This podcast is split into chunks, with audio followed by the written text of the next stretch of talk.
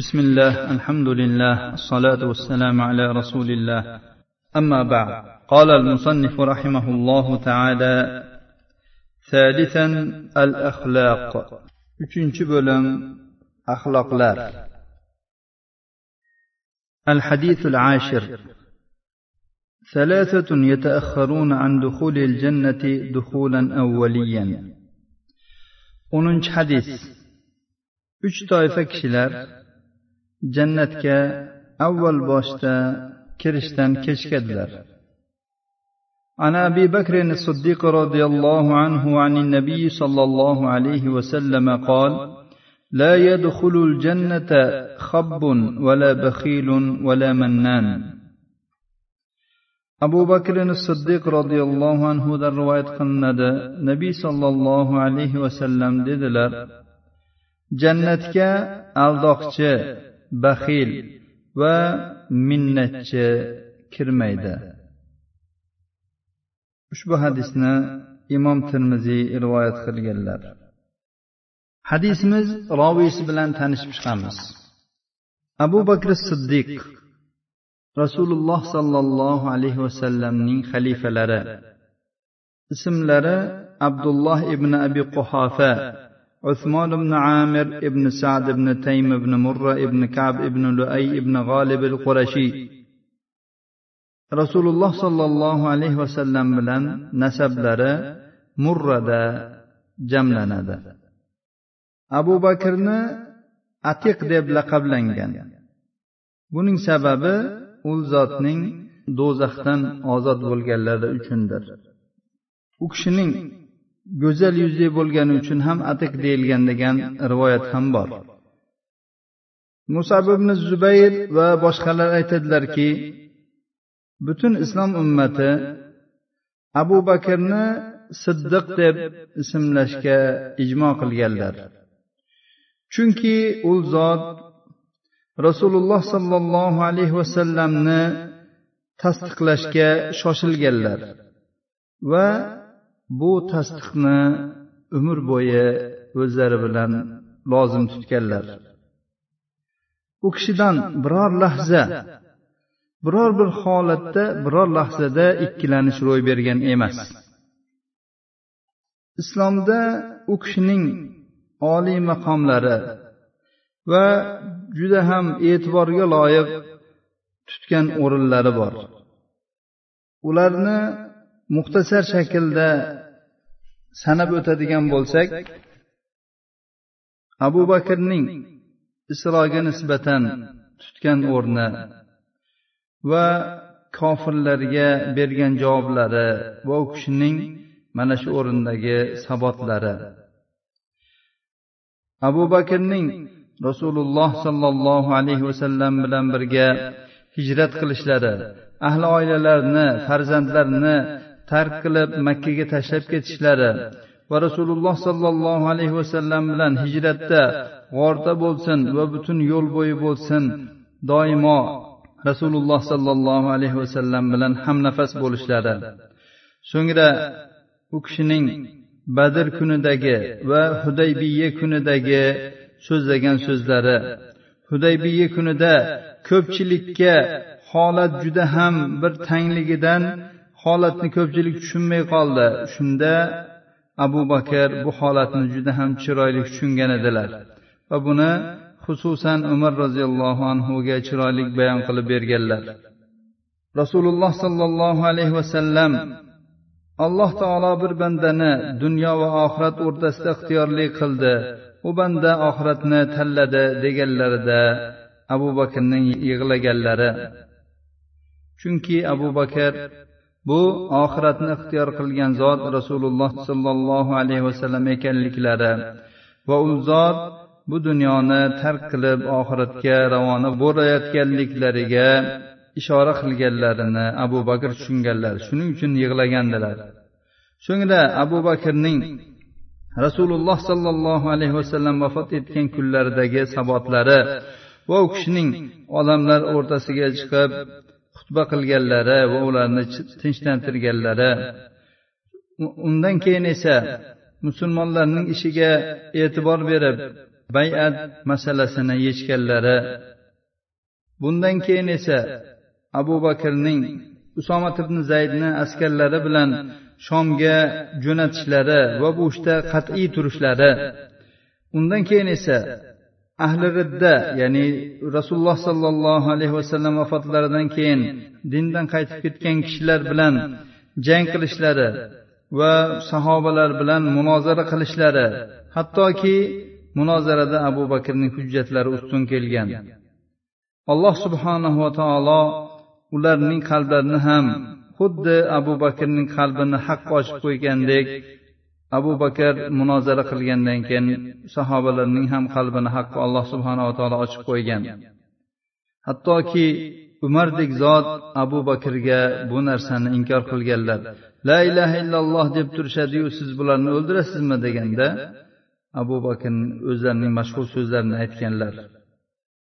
Ana undan keyin shom tomonlariga shomni fath qilish uchun askarlarni tayyorlab yuborishlari va u yoqdagi musulmon askarlarga yordamlarni yuborishlari.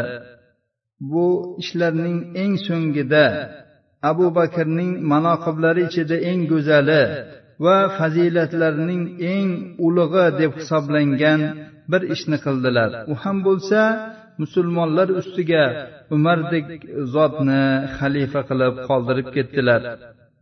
Abu bakr bu qarorni olishda abu bakr roziyallohu anhu bu qarorni olishlarida umar roziyallohu anhuni juda ham yaxshilab sinchiklab tekshirgan edilar va umarga vasiyat qilganlar hamda ummatni alloh taologa topshirgandilar.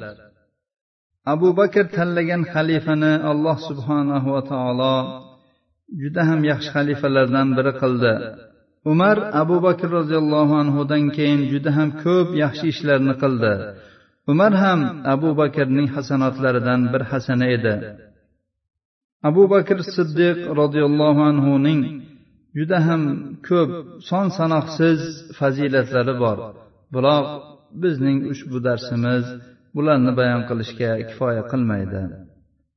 Yuqorida keltirgan muxtasar so'zlarimiz imom navaviyning so'zlaridan naql edi. Imom navaviy aytganlarki abu bakr johiliyatda ham qurayshning raislaridan bo'lgandilar va mashvarat a'zolaridan edilar. Islom kelgan paytda abu bakr islomni hamma narsadan ustun qo'ydilar va islomga mukammal suratda kirdilar. U zot johiliyatda ham islomda ham sharafli bo'lgan qurayshning o'nta kishilaridan biri edilar. Rasululloh sollallohu alayhi vasallamning abu bakrga aytgan maqtovlari ibn abbos roziyallohu anhudan rivoyat qilinadi dedilar. Rasululloh sollallohu alayhi vasallam aytdilar men islomda biron kishiga biror narsa degan bo'lsam albatta u menga gap qaytargan. Yoki rad bergan. Faqat ibn abi quhofa bundan mustasnodir. Men unga biror so'zni aytgan bo'lsam u albatta uni qabul qilgan va mana shuni ustida hech o'zgarmasdan bardavom bo'lgan. Imom ahmad abu hurayradan rivoyat qilganlar aytganlarki rasululloh sollallohu alayhi vasallam deganlar menga abu bakrning moli naf berganchalik birovning moli naf bergan emas. Abu bakr bu so'zlarni eshitib yig'ladilar va aytdilarki ey rasululloh men ham molim ham siznikimiz. Abu said ibn al arobiy ibn umar roziyallohu anhudan rivoyat qilganlar dedilarki abu bakr roziyallohu anhu islom keltirgan kunida uylarida qirq ming dirhamlari bo'lgan edi. Madinaga chiqqanlarida yonlarida besh ming dirham bor edi. Bu pullarning hammasi qullarni ozod qilish va islomga yordam berishda sarf bo'lgandi. Imom termiziy abu hurayradan rivoyat qilganlar dedilarki rasululloh sollallohu alayhi vasallam aytdilar kim bizga yaxshilik qilgan bo'lsa albatta uni mukofotini berdik. Uni yaxshiligiga javob qaytardik. Faqat abu bakr bundan mustasno. Uni bizga qilgan yaxshiliklari bor. Uning mukofotini qiyomat kunida alloh subhanahu va taolo beradi. Menga abu bakrning moli naf berganichalik hech kimning moli naf bergan emas.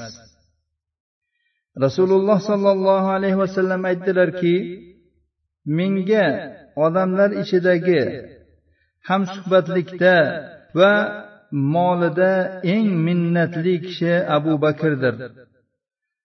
Agar men robbimdan boshqa birortasini halil ya'ni juda ham yaqin do'st qilib ushlamoqchi bo'lsam albatta abu bakrni ushlagan bo'lardim. Lekin abu bakr bilan bizning do'stligimiz islom do'stligi va muhabbatidir. Masjidga ochilgan eshiklardan birortasi qolmasin hammasi berkitilsin. Faqat abu bakrning eshigi qolsin. Bu abu bakrning fazilatidir. Hamma eshiklar yopirilib faqat abu bakrni eshigigina ochiq qoldirilgan. Tamimin roziy favoid kitoblarida va ibn asokir abdulloh ibn amr ibn al as roziyallohu anhudan rivoyat qilganlar aytadilarki men rasululloh sollallohu alayhi vasallamdan eshitdim.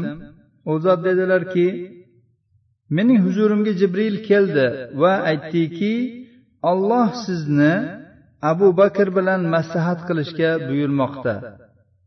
Subhanalloh. Ollohning elchisi ollohning maloikalardan bo'lgan elchisi bashariyatdan bo'lgan elchining oldiga yuborilyapti. Va xabar beryaptiki ollohning elchisi o'z ummatidan bo'lgan bir kishi bilan maslahat qilar ekan. Bundan ko'ra ulug'roq fazilat bo'lishi mumkinmi?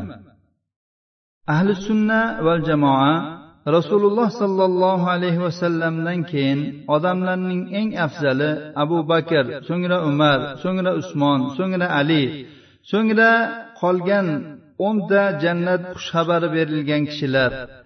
So'ngra esa ahli badr so'ngra uhud ahli so'ngra bayatul rizvon ahli so'ngra esa qolgan sahobalar ekanligiga ijmo qilganlar.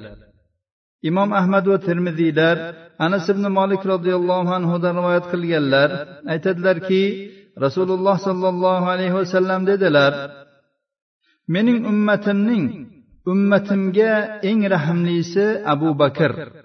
Ularning ollohning buyruqlarida eng qattig'i umar. Ularning eng hayolisi usmon. Ular ichida halol va haromni eng yaxshi biluvchisi muozibn jabal. Faroizni eng yaxshi biladiganlari zayd ibn sobit qur'onni eng yaxshi tilovat qilib qur'onni eng yaxshi biluvchi ubay ibn kab.